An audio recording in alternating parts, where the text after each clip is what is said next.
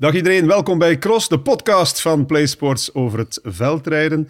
Het zou vandaag wel eens een nostalgische podcast kunnen worden, want we hebben twee iconen van het veldrijden hier bij ons te gast. Twee mannen met een palmares om u tegen te zeggen. Het is onmogelijk om dat hele palmares op te noemen en op te sommen, want dan zijn we over onze tijd straks. En dat is niet de bedoeling. Ik ga maar meteen het, uh, de mannen van wal steken. Het zijn twee legendes, levende legendes, Sven Nijs en Roland Liboton. Dag uh, heren, hier bij ons in de studio. Hallo. Alles goed? Alles goed, ja. ja uh, ik, ik ga meteen de bal terugkaatsen, want dat palmares dat gaat dus niet om het op te sommen. Ik ga het anders doen. Roland, wat is de mooiste overwinning, de mooiste zege die je hebt behaald in je carrière en waar je nu tot op vandaag nog het meest trots of fier op bent? Dat is ongetwijfeld het wereldkampioenschap in Wetsikon, het eerste jaar bij de profs. En uh, daar heb ik enorm veel genoegen aan gehad. Waarom? Ik was toch twee weken op voorhand uh, afgereisd naar Wetsikon om elk detail van het parcours grondig te bestuderen. Ik wist elk kuiltje liggen, ik wist de gevaren, waar, waar dat het zou gebeuren en zo. En daar, dus daarom dat ik zoveel genoegen eraan heb. En ook om, om, om de leeuw in zijn eigen hol te, te kunnen kloppen. Albert Zweifel. Ja. ja dat was uh, 80, 81? Zoiets, ja. Ja. uh, maar wel een, uh, een overwinning waar er niet zo heel veel beelden van zijn. Er is natuurlijk wel de televisieuitzending geweest, maar tegenwoordig wordt alles tot in het kleinste detail in beeld gebracht. Hè? Inderdaad, uh, nu is het veel mooier natuurlijk. Op iedere hoek van het parcours hangen de camera's. Dat was bij ons nog het geval niet. Dus, maar ja, het was, ik heb de beelden dikwijls teruggezien. Het, was toch, het is telkens een belevenis. Ja. Sven, was jij fan van Roland Liboton? Ik heb dat eigenlijk niet zo heel bewust allemaal meegemaakt. Ik was in die tijd zelf al BMX'er. Met die crossfietsjes reisden wij heel Vlaanderen, heel Europa door. En de laatste veldslagen van Roland heb ik nog wel wat meegemaakt. En ben ik wel samen met mijn ouders een keer naar de cross gaan kijken. Maar echt zijn gloriejaren, echt de jaren tachtig waar het allemaal gebeurde, heb ik nooit bewust meegemaakt. Uiteraard veel beelden gezien en, en de manier hoe hij uh, met zijn fiets op zijn schouder een berg opliep. Ik heb dat nooit nadien iemand nog zien nadoen. Dus ik ken het wel allemaal, maar het echt gezien, letterlijk, langs de kant van het parcours, heel weinig aan. Heb je eigenlijk een, een held of een, of een renner waar je heel erg naar opkeek toen? Nee, dat was niet aanwezig op dat moment. Ik was iemand die langs de linkskant van mijn familie geïnteresseerd was in wielrennen, langs de andere kant in motocross. En het spektakel van de motocross heeft altijd wel overheerst. De Erik Geboers, Stefan Everts, uh, de Paastrofee in, uh, in Leuven bijvoorbeeld. Egenhoven, daar gingen wij naartoe en dat sprak mij op dat moment eigenlijk meer aan. Oké, okay. helden in, uh, in de sport, Roland. Je bent natuurlijk zelf uh, een man geweest met een geweldige carrière, maar heb jij toen die carrière gedaan was, uh, opgekeken naar Sven Nijs of naar iemand anders? Ja, natuurlijk. De, dat kan niet anders, hè, natuurlijk. Hij was de man die, die, ja, die elk duel aanging, tot een goed einde bracht ook trouwens. Ik heb er veel mannen zien, achter zijn rug zien vloeken en tieren. En, en ja, dat, dat maakt het allemaal zo mooi. En ja, hij vond ook zo gemakkelijk. Hè. Ja, hoeveel ongeveer, weet je dat? Hoeveel uh, zegen Sven ongeveer heeft gewonnen Denk in zijn carrière? in de 90? Exact weet heb ik, ik, heb ik gehoord. Ik heb ergens gelezen 292. Zoiets, ja. Een kleine 300, dat, Ja, dat ja, moet het ongeveer ja. geweest zijn. En jij, Rollo? Ik heb er eh, 156 of zoiets. Maar ja, wel een reden toen, zoveel, zoveel niet ook niet. Hè. Sven, hij, die- hij weet het allemaal. In hè? zijn tijd eh, de drie klassementen, wij hadden maar één. En dat waren er nog maar zes koersen. begint al. We zijn drie minuten bezig en het is al de vergelijking. Ja. Ja, maar je kunt... Nee, nee, absoluut niet. Nee, absoluut niet. Je kunt is- generaties nemen Hij is een icoon van zijn generatie. Ik heb het goed gedaan in mijn tijd, dus... eh, ja. Dus het is, dit wordt ook een andere sport op een gegeven moment. Hè. Als je kijkt hoe dat de evolutie van die fietsen is gebeurd. Ja. Ik heb ze in het museum staan, in het cyclingcenter eh, bij ons in Baal. Fiets van hem en dan mijn laatste fiets. Ja, dan, als je naar die fiets alleen al kijkt, dan weet je gewoon, je bent over een, eigenlijk een andere sport bezig. Roland moest een, ook een veel betere loper zijn dan wat wij moesten doen in onze tijd. Wij bleven langer op de fiets, andere banden, ander materiaal. Ehm, waardoor dat je niet met elkaar kunt gaan vergelijken. Het crosstechnische, het keren, draaien en het wendbare was minder aanwezig in zijn tijd dan bij ons. Het was een veld, het was ploeteren, het was, het was gas geven, de grote motor bovenhalen. Ja, en daar had hij zijn gelijken niet. Hè. Van de Poel heeft nog eens een fiets willen testen voor mij, maar hij reed hem ook muurvast in de zandbak. Dus eh, Ja, dat waren van voor tubekes, baremvries, van 28 denk ik. Ja. 28. Ja, je moest gewoon veel sneller beginnen lopen, omdat die wij, fiets hadden, niet... wij hadden maar twee soorten typen, hè. Een, een Clement van achter en een barem van voor. En Ja. daar moesten we het mee doen. Oh, nu moet je een beetje een uitleg geven, want eh zover reikt mijn Het gaat vooral over, over de breedte van de, van de tube. Bij Roland was dat 26, 28 Zoiets, ja. mm Ja, breed. Wij rijden eigenlijk bijna nooit meer met kleiner dan 33, toen nog in mijn tijd 34 eh, breedte van tubes. Waardoor dat er veel meer tractie is op je achterwiel. Je kunt ook met lagere druk rijden en veel gemakkelijker een berg kunt opkomen. Ander profiel ook, groffer profiel. Terwijl zij met hun voethaken beneden eigenlijk al moesten beslissen: ga ik het hier proberen of ga ik mijn riemke losdoen en, en naar boven lopen? Terwijl wij eigenlijk in een fractie van een seconde uit onze pedaal kunnen klikken en, en net dat topje niet kunnen halen of wel kunnen halen. Dus dat is anders denken, dat is anders sturen, eh, schakelen beneden in, in de bocht van uw, van uw stuur, terwijl wij alles elektronisch doen. Ja, je spreekt dat- eigenlijk over een andere Je sport. kunt dat niet meer vergelijken. Nee. Ja. Maar eh, stel, oké, die, die vraag is waarschijnlijk al dikwijls gekomen, maar eh, je, je zet je nu in je beste vorm op een fiets en in een cross van vandaag, doe je dan ook mee voor de overwinning? Of zie je dan andere mannen? En omgekeerd zien, eh, zien we ook eh, Mathieu van der Poel, Pitcock, Van Aert, eh, al de mannen die schitteren nu, ook in de jaren 70 en 80 vooraan. Als ik daar een mening mag op geven, ik denk dat wel. Ik denk dat de toppers uit die generatie, de toppers uit deze generatie, met exact hetzelfde materiaal, ja, dat zijn duels. Wie dat, dat dan gaat winnen, hangt van het parcours af, van het vorm van de dag. Maar dat was een fantastische atleet in zijn generatie die alles overheerste. Die zou vandaag ook meedoen. Dus het is een andere sport, maar eigenlijk De op het einde pure, van de rit blijft ja, de eh, pure atleet iedereen wel blijft uiteraard wel heel veel waarde hebben. Zeker. Wat is jouw mooiste zegen of mooiste crossmoment? Ik vind dat heel moeilijk, want achter heel veel verhalen hangt eh, fantastische emoties. Ehm, maar eentje dat bijblijft, omdat er vooral ook achteraf wel veel positieve dingen zijn gewijzigd in wat ik nu doe, is mijn laatste WK in, in, in Louisville in Amerika. Ja, dat was... Ik had dat niet meer verwacht op die leeftijd. Ehm, die wedstrijd die plotseling een dag vroeger werd georganiseerd. Je moest helemaal jezelf gaan eh, omschakelen. Hoe ga je daarmee om met die druk en zo verder. Dat parcours dat wijzigde. Het duel aangaan tot in de finale. Ehm, veel mensen leren kennen daar. ehm, Amerikanen op, op mijn, op, op mijn, aan mijn zijde gekregen.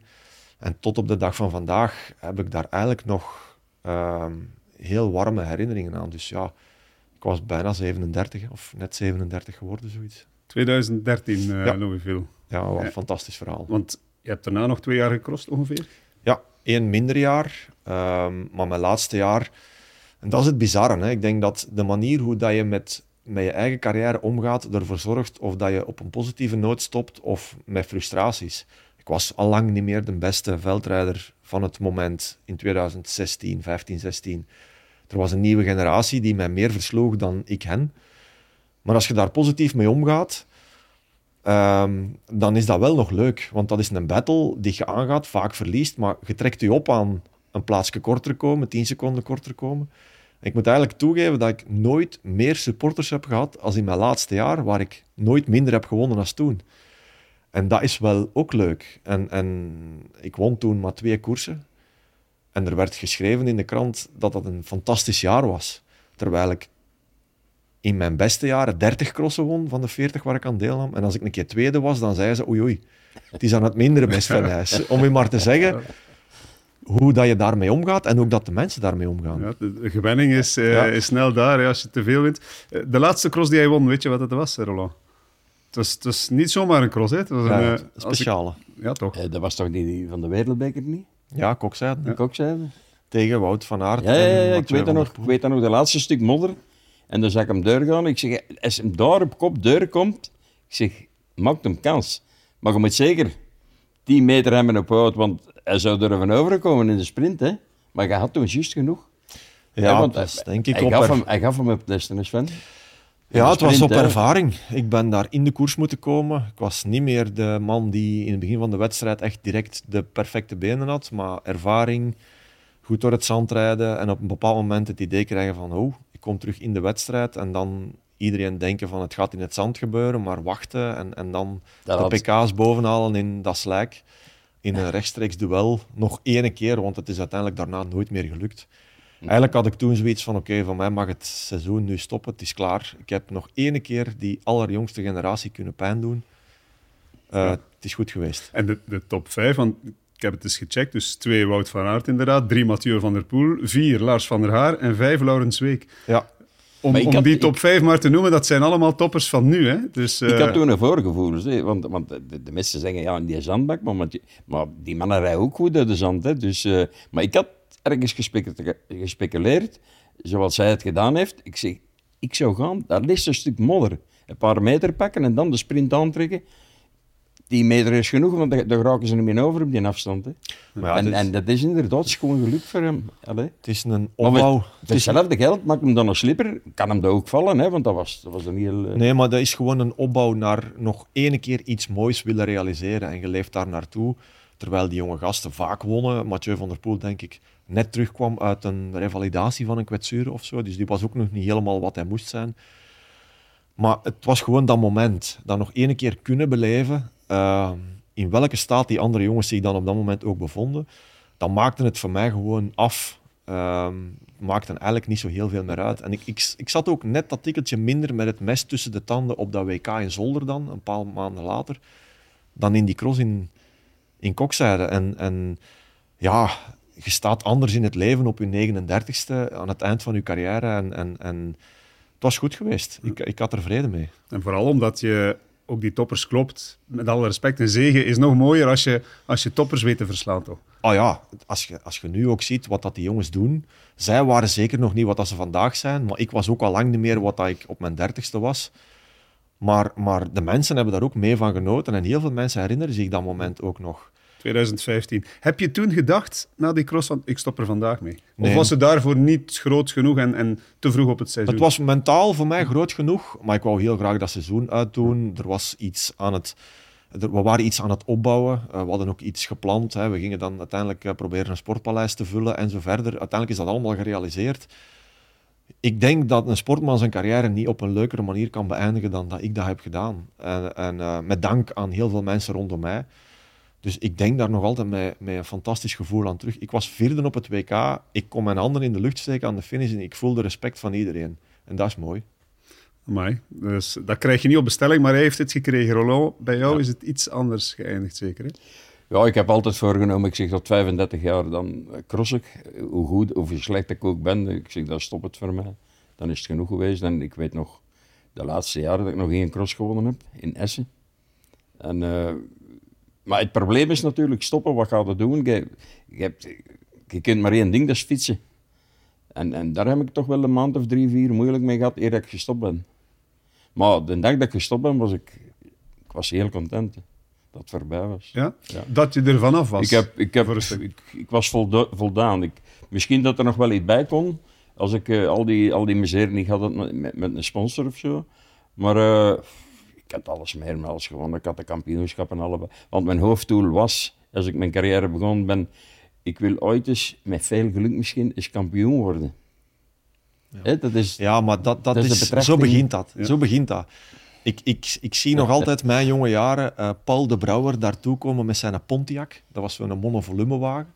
En mijn grote droom was om ooit in mijn carrière te kunnen centjes verzamelen dat ik ooit zo'n Pontiac kon kopen. zo is dat allemaal begonnen. Heb je er ooit in gekocht? Ik heb dan uiteindelijk een Renault Espace gekocht, eh, zoveel Oké. jaren later. Dus dat was de, de nieuwere, geüpdate versie eh, van die wagens. Maar het is daar natuurlijk niet mee... Maar dat begint altijd met iets... Op dat moment heel groot, maar dat lijkt dan achteraf allemaal heel klein. Hè? Ja, uiteindelijk realiseerbaar en dan komen de andere doelen en dan komt de druk van alle kanten en de verwachtingen worden nog hoger gesteld. Ja. Dus En ik denk ook, en dat is ook de andere generatie, hè, want Roland zegt dan, ehm, ja, wat, wat moeten dan nadien gaan doen? Hè? Ik denk dat die generatie ehm, toen nog niet te goed bezig was met ja, dat klopt. ja. Wat hebben wij allemaal geleerd? Ook al heb je geen universitair diploma, hè, de ene wel, de andere niet, maar je bent kunnen omgaan met winst en verlies, onder druk presteren. Ehm, je moet allemaal mensen rondom u verzamelen die heel sterk zijn in iets om u goed te laten presteren. Je bouwt eigenlijk een team. Je bent eigenlijk een kleine onderneming op zijn eigen. Die ervaring aan het eind van je sportieve carrière, als je die kunt gaan doorgeven aan een nieuwe generatie, dan is er op je 35ste gigantisch veel bereikbaar. En zij waren zich daar volgens mij toen Nog niet genoeg van bewust. Nee, nog niet rijp voor. Niemand, hè. Heel die, die, die, Nee. die, die kleine wereld was daar nog niet klaar voor, waarschijnlijk. Nee, en Een groot verschil met nu, uiteraard. Dat is eigenlijk jammer, want er zit zoveel know-how en, en, en, en, en, en ervaring in Rollo Liboto, die eigenlijk jammer genoeg niet is doorgegeven aan die generatie die daarna kwam. En, en ik vind dat zonde. Ik probeer dat nu op te vangen. En er is, het is er misschien nu ook meer de tijd voor als toen. Hè? Dus daar ben ik me ook wel van bewust. Maar ik vind dat wel een gemiste kans. We hebben ook die, die, die mogelijkheden niet gekregen van, van die begeleiding en noem maar op. Eh, bij hem was het al een heel ander verschil. Als hij stopte, er waren bepaalde dingen eh, waar hij kon aan beginnen. Inderdaad, met een ploeg te beginnen, met, met dit, met dat, met les te geven. Dus hij had meer kansen al als hij gestopt is dan in onze tijd. Toen dat drong er nog niet, niet volledig door. Wat gaat dat doen na je carrière? Wanneer ben jij voor het eerst die vraag gaan stellen? Waarschijnlijk al tijdens je carrière, in de laatste jaren, als het, als Pas op, het dat is door moeilijk. omstandigheden Dat is minder moeilijk, hè, Bram. Dat is heel moeilijk. Hè, want eh, ik heb er toch drie maanden van wakker gelegen. Hè. Wat, wat gaat dat doen? Wat gaat dat doen? Eh, hoe gaat dat ging. Slechts drie maanden, want ik zou denken van ja, als, als het zwarte gat daar is voor een stuk, dan, dan kan je er wel een tijdje Nee, zitten. nee. Ik heb nooit, nooit in een zwart gat gezeten. Nooit. Ik wist, oké, tot dan gebeurt het en dan, dan stopt het. Dan ga ik moeten leven van een gewoon maandwedden, wat iedereen moet doen. Daar had ik het zeker niet moeilijk mee. Maar het is, het is, het is afscheid nemen van iets wat je twintig jaar gedaan hebt. En dat is, dat is, op die moment is dat wel moeilijk. En langs de andere kant bezien, ben je de gelukkigste mens van de wereld, dat al de stress weg is. Alles valt van je af. Je kunt terug een normaal leven doen. Je kunt gaan wat je wilt. Ik heb, ik heel veel plezier met naar de cross te gaan, met naar de cross te kijken. Want als ik, als ik op parcours kom, dan sta ik ergens in een hoekje waar geen camera staat, teruggetrokken, maar ik zie veel. Maar ik, ik, ik zeg niks, ik slag dat allemaal op. En, en, en ik weet hoe dat je moet klaarmaken naar kampioenschap toe. Ik weet hoe dat je moet zijn rond de kerstperiode. Ik weet hoe dat je moet je voorbereiden naar WK toe. En eh, ik heb zo een vraag in petto. En ik hoop dat je die strak gaat stellen. Nu, nu maak je me heel nieuwsgierig, Ja? Roland. Wie gaat er wereldkampioen worden bij de vrouwen? Oh, oké. eh, Ja, nee, ik zeg maar niet. ja. En, en waarom precies die vraag? Omdat ik één bezig zie. En die gaan met de kerstperiode beter en beter worden. Nu is ze even, eh, hoe moet ik zeggen, het ritme nog niet volledig van de eerste drie. Maar die is ontkomen. Zit hij toevallig in de ploeg van Sven? Ja. ja. En die is ontkomen, maar hij, hij zegt niks, maar hij weet dat ook. Hij weet dat goed genoeg. En, en laat, ze, laat ze rustig die periode, die kerstperiode afwerken. En dan gaat ze dat verschil dat ze nu heeft, gaat ze wegwerken. En ze gaat er staan in het WK, geloof me. Want Hoge we hebben een top 3. We hebben een top 3. Fantastische goede wielrenners. Eh, van Empel, eh, Van Anrooy en, en, en, en, en Pietersen. Fantastische een nieuwe generatie die, die, die naar boven komt. Maar, pas op. Felicinde. Ja, eh, eh, Pas op.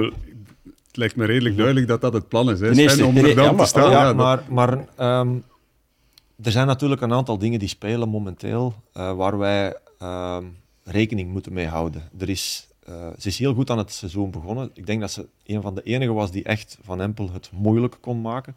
Ze verloor de wedstrijd in de sprint omdat Van Empel net dat tikkeltje sterker is in de sprint, maar ze werd niet gelost.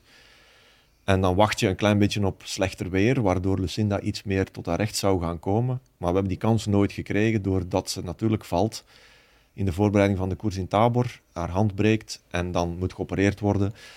En eh, dan komt ze vrij snel terug in eh, competitie. En ehm, er zit een plaatje in haar hand dat haar hindert, sowieso. Maar er is ook een klein beetje ontsteking, waar we het niet vaak over hebben, maar waar we heel veel zorg moeten voor dragen. En ehm, tot de dag van overreizen zie je haar opbouwen. En dan merken we, die ontsteking is daar nu. En dan is er antibiotica opgestart om uiteindelijk dat weg te krijgen. En dat zie je onmiddellijk in Kortrijk, nu in Hulst. Dat heeft effect. Antibiotica is nooit goed voor een prestatie van een atleet. Dus ehm, je ziet dat die ontsteking vermindert nu. Maar we gaan wel moeten rekening houden met het feit dat er eerst aandacht moet besteed worden aan de wonden, aan de, eh, wat er inwendig gebeurt met haar hand. Vooraleer we kunnen denken aan ze gaat in topvorm aan het WK kunnen starten. Dus ik heb vanmorgen nog meer dan een half uur met haar aan de telefoon gehangen, uh, met onze arts, met Paul van den Bos, haar trainer, um, om te kijken hoe gaan we dat plan goed invullen. En er zullen misschien de komende dagen nog wel wat wijzigingen gaan gebeuren, om uiteindelijk wel te proberen het zo goed mogelijk in elkaar te boksen. En prioriteit nummer één is de kwetsuren. Hè? Want als daar ontsteking zit, ja, dan ga je niet presteren wat het moet. Maar is, het, is het dan een week of zo te vroeg begonnen? Want dat is dan ja, dat is heel moeilijk. eeuwige uh, dilemma. Hè? Ik denk dat het vooral... Uh, er wordt heel veel van die hand gevraagd. Heel veel bewegingen, heel veel kracht moet erop gezet worden om uiteindelijk dat stuur goed bij te nemen in die afdalingen van al die wedstrijden. En dat geeft frictie en dat zorgt ook voor irritatie. Als hij op de weg traint en misschien iets langer daarmee wacht, maar je kent ook een atlete die wil heel snel in competitie komen, die wil dat ritme niet kwijtraken. Uh, en ik denk dat we het onder controle gaan hebben door de juiste keuze te maken vorige week. Uh, maar, maar we mogen geen stappen overslagen. En als het allemaal in de juiste plooi valt, dan gaat ze inderdaad richting uh, januari wel terug op de rails zijn.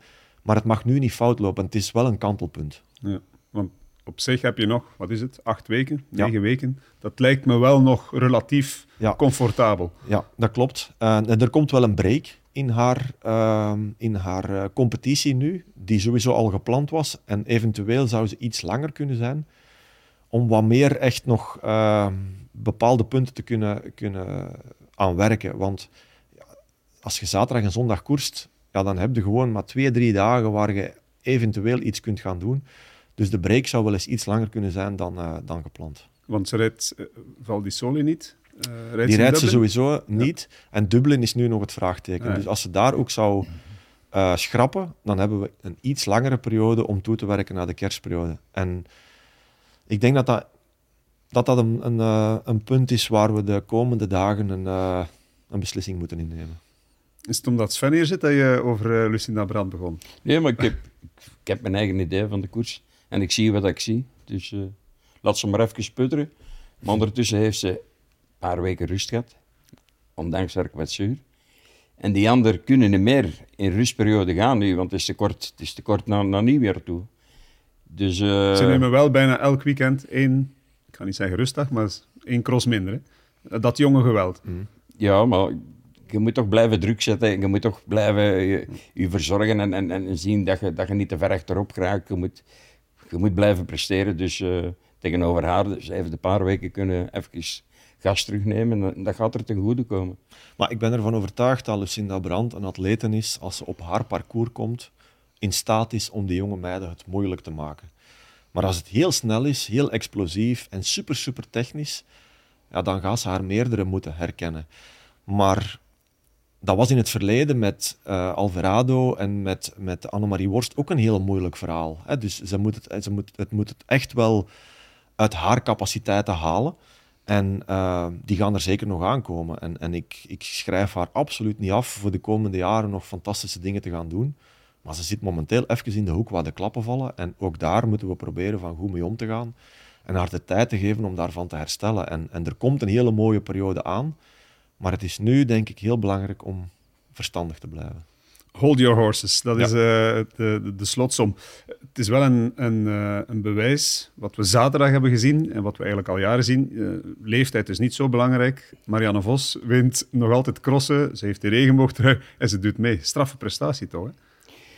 Ja, dat is een... Ondanks dat, jonge geweld. Oké, okay, ze waren dat er niet straffe prestatie, dat klopt. Maar, maar ik denk toch dat ze nu stilletjes aan het toch wel moeilijker krijgen, hoor. het gaat niet meer zijn, like vroeger.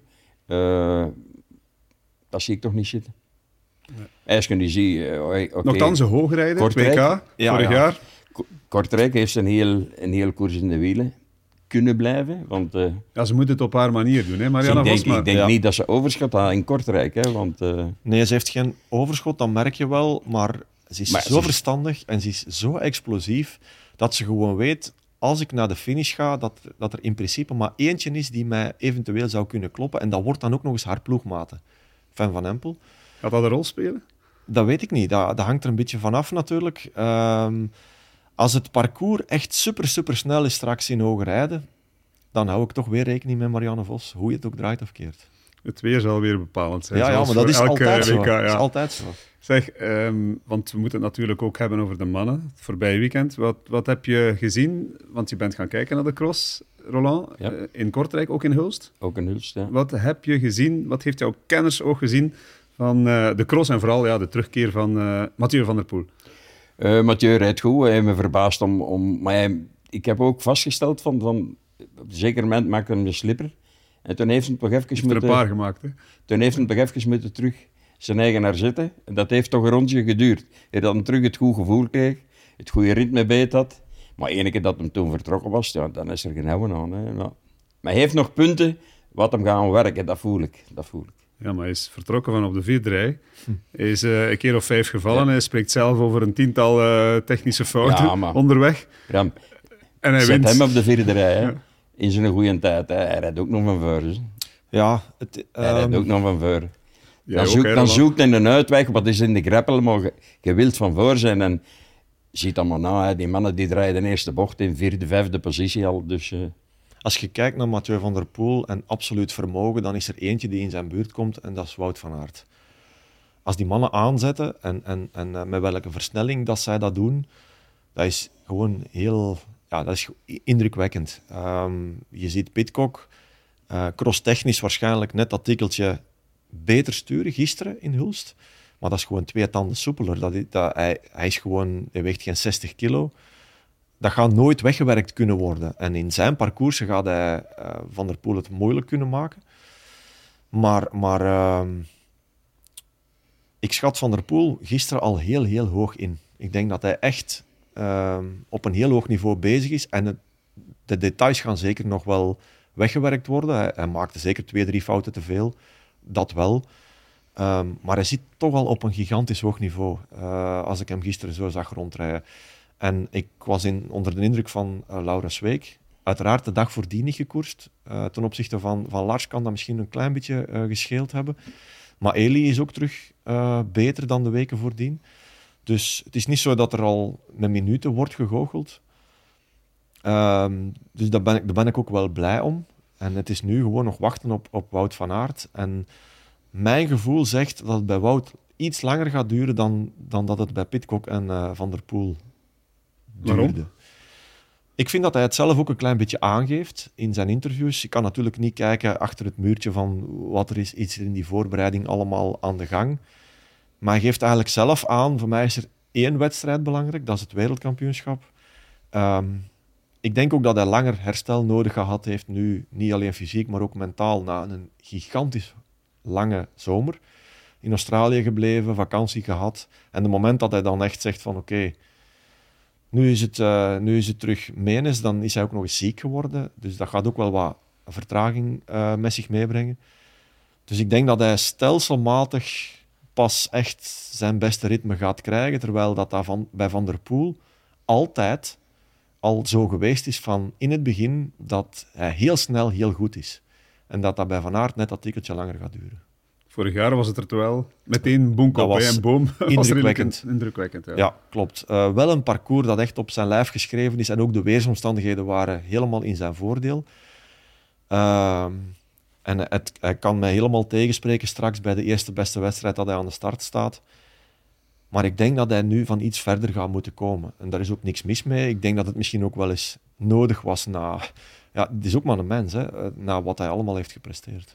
Je, je moet het, eh, het hoofdje niet, ja, is helemaal leegmaken. Hij heeft dat waarschijnlijk gedaan met die reis in, in Australië. En, eh, en als dan ik- weer die batterijen Als opladen. ik dat zo van ver hoor aankomen, dat is al een tijdje bezig.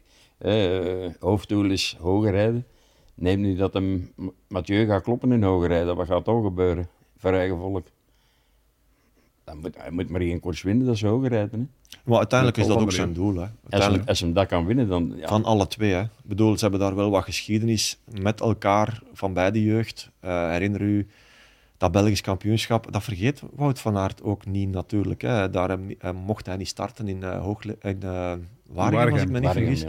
Wordt dan wereldkampioen in het Hol van de Leeuw. Ehm, van der Poel die daar voor de eerste keer in zijn jonge jaren het gevoel gaf onder druk eigenlijk niet te presteren wat er hem, in hem zat.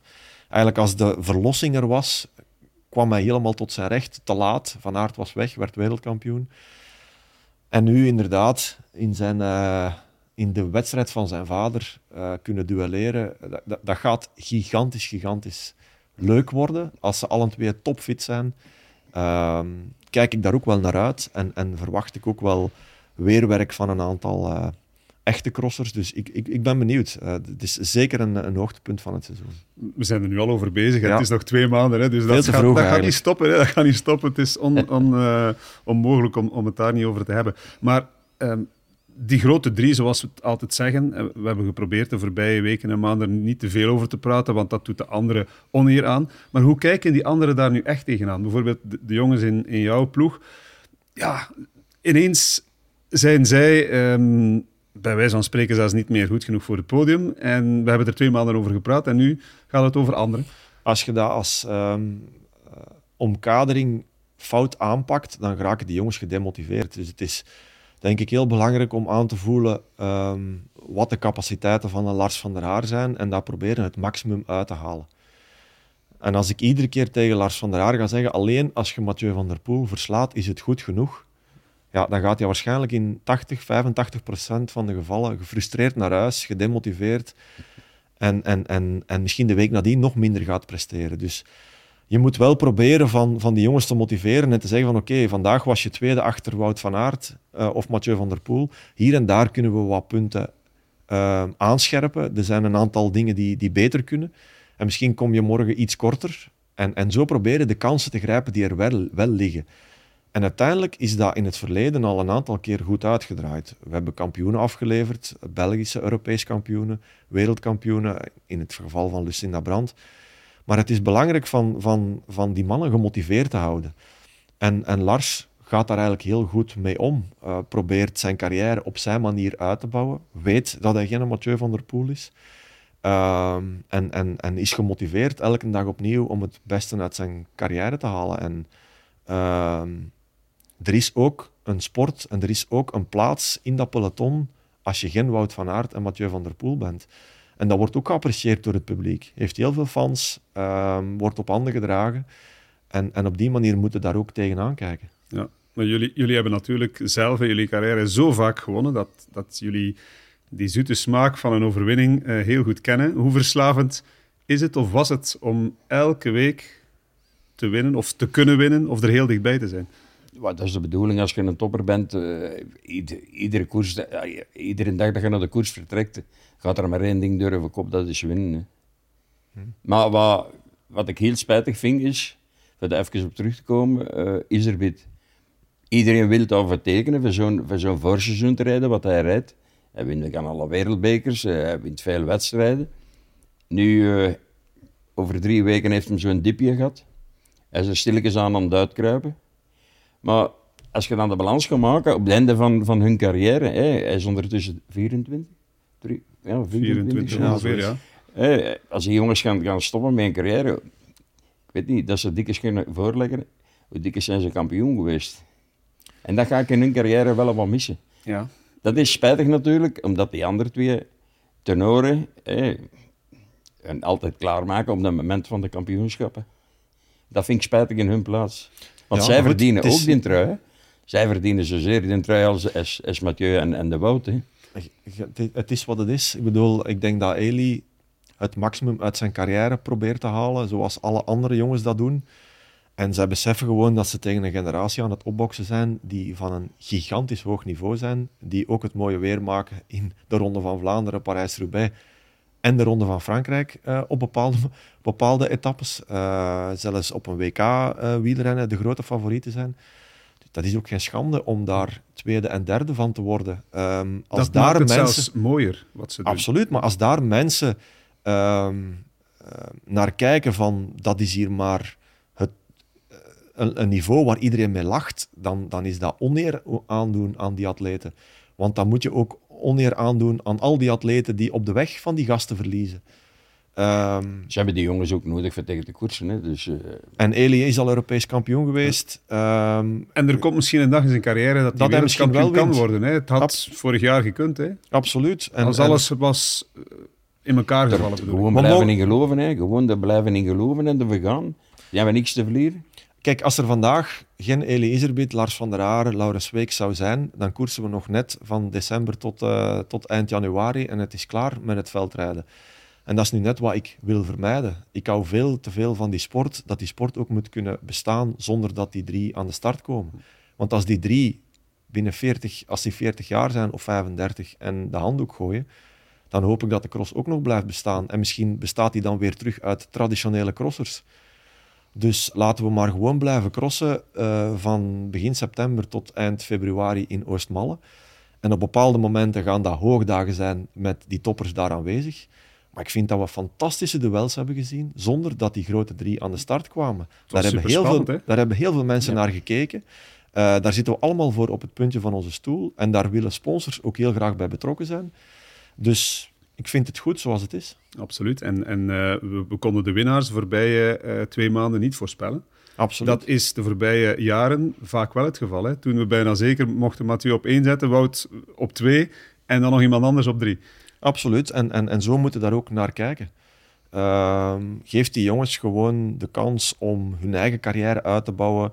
Um, heb daar respect voor, want wat zij doen is echt wel van een heel hoog niveau. Er, er komen die duels. Uh, denk je dat het uh, echt de duels gaat worden tussen de grote drie? Of gaan de vrouwdingen, zoals ik ze net schetste, voor een stuk ook dit seizoen het geval zijn? Ik denk dat we, dat we vuurwerk gaan zien tussen die drie, ja. ja. Pitcock die, gaat, die is wereldkampioen, moet zijn eigen een, be een, beetje bewijzen. En die andere twee die gaan het vuur aan, aan de schenen leggen, zoals ieder jaar. Hè. Dus uh, de ene gaat niet ander doen voor de andere. Maar wie gaat tenslotte ja, de kastanjes het vuur rapen? Dus, uh... Voor mij zijn die alle drie op hetzelfde niveau. Um, als we morgen een wereldkampioenschap gaan hebben in Overijse, dan schat ik de kans dat Tom Pitcock wereldkampioen wordt heel hoog in. Als dat een uh, enorme ploetercross wordt in hoge rijden, uh, waar echt enkel vermogen en, en, en uh, heel veel loopwerk aan te pas komt, dan denk ik dat Wout van Aert de grootste kanshebber is. Wordt dat eentje van explosiviteit, vinnigheid, een klein laagje waar Mathieu van der Poel zich helemaal kan uitleven, dan is hij de grote favoriet. Dus het weer gaat bepalen wie uiteindelijk, en uiteraard ook hoe ga je met die druk om en, en heb je de topvorm, maar zet de ene niet hoger of lager dan de andere, want het zijn, het zijn drie mannen um, van een gigantisch kaliber. En, en als Tom Pitcock zegt, mijn droom is om, om, om ooit misschien wel de Ronde van Frankrijk te gaan winnen, dan durf ik vandaag niet zeggen dat dat ooit niet gaat gebeuren. Stel je voor, ja, je was nu al, wat is het, 16 of zoiets, 14? Ja, ik weet niet dat het zal gebeuren. Is, hè. Ja. Maar om nu te gaan zeggen, uh, je bent op je hoofd gevallen zeker, dat durf ik zomaar niet. Het zijn hele straffe mannen. Zeg, weet je wat het, uh, het modewoord is in het veldrijden op dit moment, Roland? Ja. Het is een woord dat Sven heel vaak gebruikt. Maar niet alleen Sven, heel veel mensen. Valt mij op. Crosstechnisch. Dat is iets wat heel vaak terugkomt. En een jaar of vijf geleden hoorde ik dat zelden. En dat, dat is heel bepalend. Hè? Want dit weekend, Mathieu van der Poel, crosstechnisch nog niet helemaal in orde, maar is voor de rest wel al top. Uh, ja. Hoe belangrijk is dat ene woordje in de cross op dit Mensen moment? onderschatten um, wat crosstechnisch eigenlijk inhoudt en, en hoe belangrijk dat, dat is. De finesse om het gevoel te hebben hoe je door een bocht moet gaan um, met heel weinig druk in je banden, zonder snelheid te verliezen. Um, om die juiste lijn te hebben, om daar niet uit balans te geraken. Dat moment te voelen van ik kan pal in het wiel rijden of ik moet ruimte laten voor mezelf om uiteindelijk dat heuveltje ook op te komen. Dat, dat, dat, is, dat, is, dat is de finesse, dat is echt het, het, het crossgevoel hebben. En, en daar kan je 15 seconden mee winnen en 15 seconden mee verliezen. Ik bedoel, Lucinda Brandt is een goed voorbeeld dit weekend. Die verliest de eerste ronde één minuut. Eén minuut. En ze rijdt de laatste ronde uh, sneller dan die twee dames daar van voor, uh, Pietersen en Van Empel. Omdat ze het gevoel krijgt, omdat ze ruimte krijgt om haar eigen ding te doen. Je kunt daar zoveel mee winnen en verliezen. En, en je ziet cross-technisch, Mathieu van der Poel een aantal fouten maken die hij binnen een aantal wedstrijden niet meer gaat maken, omdat hij die finesse terug gevonden heeft. Verleer je zoiets? Want het lijkt me iets dat, dat, dat je gewoon altijd hebt. Zoals je kan fietsen, zoals je misschien kan skiën of zwemmen. Het is een ja, combinatie van twee dingen. Je verleert het niet, um, maar als je natuurlijk in topvorm bent, dan zie je het beter. Je rijdt niet met je ogen dicht, uh, het zwart voor de ogen, zoals wij dat soms wel eens noemen, van de ene foute bocht naar de andere. Dus als je overschot hebt, ga je crosstechnisch ook natuurlijk makkelijker je ei kwijt kunnen. Um, maar door een aantal extra trainingen in te lassen, een aantal keer op dat niveau in competitie te komen, gaat het ook verbeteren. Dus het is het veel doen en in goede vorm zijn. Dus die twee dingen bij elkaar zorgen dat de perfectie benaderd kan worden. Projecteer dat eens naar jouw carrière, Roland. En ja, dat, je klopt, dat? klopt. Eh, je moet goed zijn en dan, dan gaat het minder vallen. Je gaat, je gaat bijna geen stukken krijgen dan op een fiets bij manier van spreken. Dan, dan, dan, ja, dan hoort alles zoals het moet zijn, feitelijk. Gewoon uh, supergoed zijn. Als je Laurens Week door een zandbak ziet rijden, dan is dat crosstechnisch bijna altijd de perfectie. Die rijdt daar met een versnelling door en die trekt eigenlijk, zo zie ik dat, eh, links en rechts een beetje aan een koordje. Die heeft zijn stuur bijna niet vast en die, dat fiets die, die zoekt een weg om uiteindelijk zo weinig mogelijk vermogen boven te halen om uit die zandbak te komen. Terwijl als je dat fout doet, met dezelfde versnelling, heb je daar gigantisch veel vermogen moeten bovenhalen om je daardoor te duwen en uiteindelijk je hartslag veel hoger te jagen en dan achteraf niet te herstellen en in de problemen te komen. En, en, en je ziet, ze komen met dezelfde snelheid uit die zandbak en Laurens Week heeft geen krachten verspeeld en een andere renner heel veel. Dat, je kunt dat eigenlijk zien als je dat zelf ook een paar keer ervaren hebt. Maar de gemiddelde kijker gaat dat niet zo opmerken, omdat dat ja, puur beeldmatig bijna Die merkt dat pas op als de, als de atleet dan gelost wordt, zoveel bochten later. Dus het is uh, altijd foutenmarge beperken, maar heel smooth rijden en het gevoel hebben van um, ja, er zijn geen hindernissen, zoiets. Maar ja. toch, toch wat altijd een zwart beest hebben. Op elke cross is een zwart beest. Ofwel is de zandbak, ofwel zijn de balken waar je niet over durft of de balken liggen te kort op de, op de bocht, dat je, dat je niet kunt springen. Het gaat altijd toch wel iets zijn wat, ja. wat, over ergert. Hè. Ja, elke dus- renner heeft zijn talenten en elke renner heeft zijn beperkingen. Of je nu Mathieu van der Poel of, of Wout van Aert bent, dat maakt eigenlijk niet zoveel uit. Maar hoe beter dat je bent, hoe gemakkelijker dat je die zwakke punten kunt compenseren uh, door de sterktepunten die je hebt. Dus je moet dat proberen in evenwicht uh, te houden. Maar cross is, is zo'n mental game, dat hou je niet voor mogelijk. Je staat aan de start en de eerste trap op je pedaal, dat moet raak zijn. In, op de weg heb je soms drie, vier uur de tijd om in de wedstrijd te komen. Vergeet dat in de cross. De belangrijkheid van die eerste drie, vier minuten van Mathieu van der Poel gisteren, ja, die zorgen ervoor dat hij niet achter al die andere jongens zit die dat crossgevoel uh, crosstechnisch dan helemaal kwijt zijn en daar ook nog eens mee verliest en zo verder. En dan veel te vroeg in de rode moet gaan, waardoor hij ook in de problemen komt. Dat is een opstapeling van frustratie. Dat is, dat is, uh, er gaat zoveel om in het hoofd van een crosser tijdens dat uur, waar wij nog niet, nog niet aan denken als we naar tv kijken. Je mag het blijven gebruiken hoor. Wat me, wat, me, wat me gisteren wel opviel, en dat viel echt op, uh, ik was aan het kijken naar de start van de cross en, en iedereen was ongelooflijk nerveus. Want hij, hij stond er. De, man die het ging doen, die stond er. Maar je ziet het ook aan de andere crossers. Dus ze zijn nerveuzer, ze zijn gespannender, want ze willen allemaal bij de eerste vijf die bocht ingaan. En, en dat merk je toch wel ja, hij schoof in die eerste ronde geweldig op. En we hebben het er net over ja, gehad. Ja, absoluut. Uh, vorige week was het ja. Pitcock in Overijse met, het, met de remonte van het weekend. Nu, nu Van der Poel. Wa waarom was dat zo belangrijk om direct mee te zijn? Want ja, in Hulst kan je moeilijk passeren. Dus hij, hij, moest uh, na de, de, eerste ronde zat hij al heel Hulst liet hem juist. Hè? Ja, het, het, het, heeft vooral met het parcours te maken. Dus Hulst heb je heel veel uh, talutjes waar uh, als er een renner voor jou rijdt en die raakt net niet boven, dat jij beneden al eigenlijk moet, moet stoppen, waardoor dat je vijf, zes seconden kwijt bent. Er is ook maar één perfect spoor. Er is geen uitweg. Als je ruimte hebt en er is overal even breed en het is gewoon modder, dan heb je tijd om rustig je eigen ding te doen. Uh, maar hij weet ook dat er een aantal atleten zijn ja, die gewoon, uh, Pitcock, die daarvan voor zit, uh, Lars van der Aar, Eliezerbit, die niet gaan wachten. En hoe langer dat, dat duurt, hoe meer hij ook vroeg in de wedstrijd over de rode moet. En misschien ook, hij moet zelf ook aanvoelen van kan ik dat al aan of niet, want het is voor hem ook de eerste keer. Dus hij wil dat zo snel mogelijk goed maken.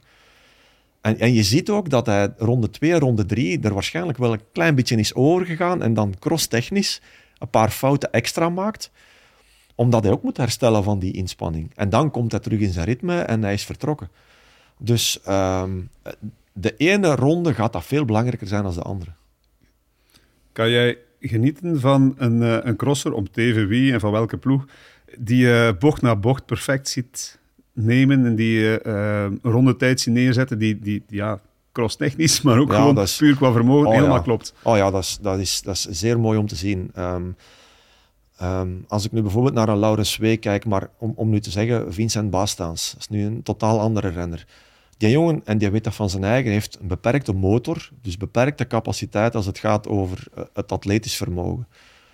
Maar qua crossgevoel, om, om, om, om, om hem echt te lezen, dan zie je gewoon, die durft afhaken in de kop van een, van een koers als hij heel goed gestart is met het idee van dat gaat, hier te, dat gaat hier te hard voor mij. Ik ga nu een klein beetje gas terugnemen, met daar een wagonnetje aanpikken om uiteindelijk dan een goed resultaat te halen.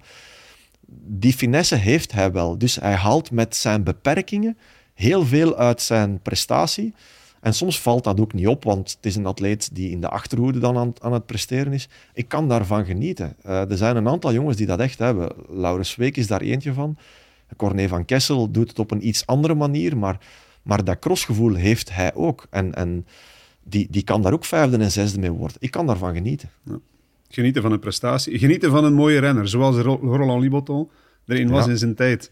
We hebben ehm, een eh, Belgasport aflevering gemaakt over, over jou, Roland, een paar jaar geleden. Ja, klopt, Daar zaten ja. fantastische beelden in. Daar bleek ook dat jij eh, niet alleen een heel mooie en goede renner was, maar ook iemand die ongelooflijk hard trainde. Drie keer per dag konden we daar zien. Eh, dat was een hele andere tijd en we zijn begonnen met een nostalgisch kantje. We kunnen er ook mee eindigen. Drie keer per dag trainen, dat is ehm, heel zwaar. Is dat soms te zwaar? Want ik kan me voorstellen dat dat... Dat is eh, beestachtig, dat moet je lastig aankunnen, was. want er zijn renners die, die bij mij komen trainen. De gebroeders de B die kwamen trainen. Maar tegen het laatste van... Die hebben dat één week gedaan. Tegen het laatste van de week, die, die, die, die waren kapot gereden. Die waren echt... Je moet dat aankunnen. Zo, lekker ze Rillard en Teamwinner, een zwaar parcours. Als je dat drie keer de week traint, dan eh moet je goed op. Want ik weet in de tijd, Adrie van der Poel kwam, eh, Mark Janssens kwam, Van Zandvliet kwam. Die kwamen allemaal trainen. En ik gaf die de opdracht van de eerste twee ronden rustig rondrijden, handjes op stuur, kalm aan. En toen waren ze al aan het puffen, hè, ze boven kwamen. Laat staan dat je ze een klein interval geeft daar. Rijden steen dood, hè. maar dat moet je aankunnen. Maar ik kon dat aan, omdat ik dat elke dag opzat. Ja, het is Dus, de eh, trainbaarheid van een atleet en weten met, met wat je bezig bent is heel belangrijk. Hè. Je kan aan iedere atleet opdragen om alle dagen zo hard te trainen, maar waarschijnlijk gaat 70% van dat peloton waarschijnlijk met een overbelasting langs de kant van het parcours staan. Ik bedoel, als ik lees dat Mathieu van der Poel gisteren na zijn cross nog 7 kilometer heeft gelopen, onder de 4 kilometer, gemiddeld eh, eh, per kilometer, 4 minuten de kilometer.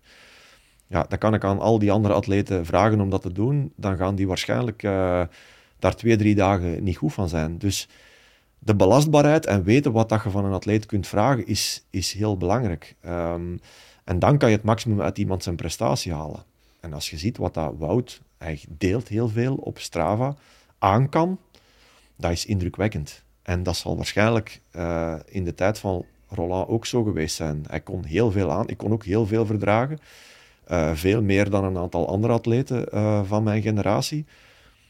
Ehm, maar er zijn er die minder getraind hebben en die mij soms ook wel versloegen, omdat ze weten, dat is wat ik nodig heb. Ja. Kopiëren wat iemand anders doet, dat is echt een foute instelling. Jullie konden allebei heel veel aan, hebben allebei heel veel gewonnen. Eh, het, eh, het boek dat over jou is verschenen, het heeft de naam Ik ben de grootste. Klopt dat nu eigenlijk, Roland? Nee. Ben jij de allergrootste? Ik was de grootste van mijn, van, van mijn generatie. Dat, eh, dat klopt. eh, ik zou niet weten wie er meer gepresteerd, he- gepresteerd heeft in mijn tijd. Hij was de grootste in zijn tijd. eh, Dus eh laten we ons daarbij houden. Want eh, ik heb al honderdduizend keren die vraag gekregen. En, eh, De eeuwige vraag. Ik las dat op... eh, eh, of dat Sporza, de radio, is een, eh, een poll gehouden heeft, 2015. Dat was net toen Sven gestopt was. mhm. En toen kwam jij... Voilà, dat, dat, dat hielp misschien ook. Ja, dat is ook al fout. Hè, dat was jij de, eh, de, de, de allerstrafste. Voor ehm, Erik de Vlaming en Roland Liboton. Maar goed, de relati- relativiteit van zo'n poll, ehm, het, is, het is niet te beantwoorden. degenen die er het minst mee bezig zijn, zijn de atleten zelf. Ja. Ik denk dat het dat daarop klopt, ja, neerkomt. dat klopt. Ja, ja, ja. Behalve, ik, ik las, Roland, spreek me tegen. Of, nee, jij moet het verhaal misschien doen om, om te eindigen. Dat je ooit eens in een cross de uitdaging hebt gehad om de carrière van misschien de allergrootste, als je kijkt naar wereldtitels, want hij heeft er zeker zeven behaald, Ja. Erik de Vlaming, te beëindigen. Ja, hij had gezegd, als, als iemand mij ooit dubbelt in de cross, dan stop ik onmiddellijk met mijn carrière. En Dat klopt, ja. Dat je klopt. hebt dat gedaan. Maar hij was zo zin van een riller te komen. Hij, hij vraagde te veel startgeld. Maar ik had tegen, tegen Serré, Meubelen Serré, dat was mijn onkel. Ik had tegen Frans gezegd, Frans, betaal hem. Ik wil er tegen koersen, betaal hem. Maar ik was toen, ja, ik was toen in topjaren. Hij was al een beetje minder aan het afgaan. En inderdaad, hij kwam rijden. En voor het vertrek zijn we ons aan het losrijden. En eh, ik zeg, en Erik, laat me een keer zien eh, wat dat je kunt vandaag, zegt. Ja, dan ben ik sowieso al in mijn gat gebeten. Hè. Dan, eh, dat is al genoeg voor mijn bestank, ja. Ik zeg, wel. Ik zeg, als ik u straks dobbel, ik zeg, hang je dan de fiets op het laatste van het seizoen aan, aan de haak? Ik zal hem er niet aan hangen, want je gaat me niet dobbelen, zegt. En ik weet goed, de voorlaatste ronde hoor ik, hoor ik het publiek Erik, Erik roepen tegen een teamminder. Ik zeg, nu ga ik mijn gast nog eens, nog eens open draaien. En op 200 meter van de RV rijken voorbij. Ik zeg, hangt er maar een kameraad. Ja, Maar dat, ja, dat Verhalen zijn- uit de dat tijd zijn van die ja- uitdagingen. Pff.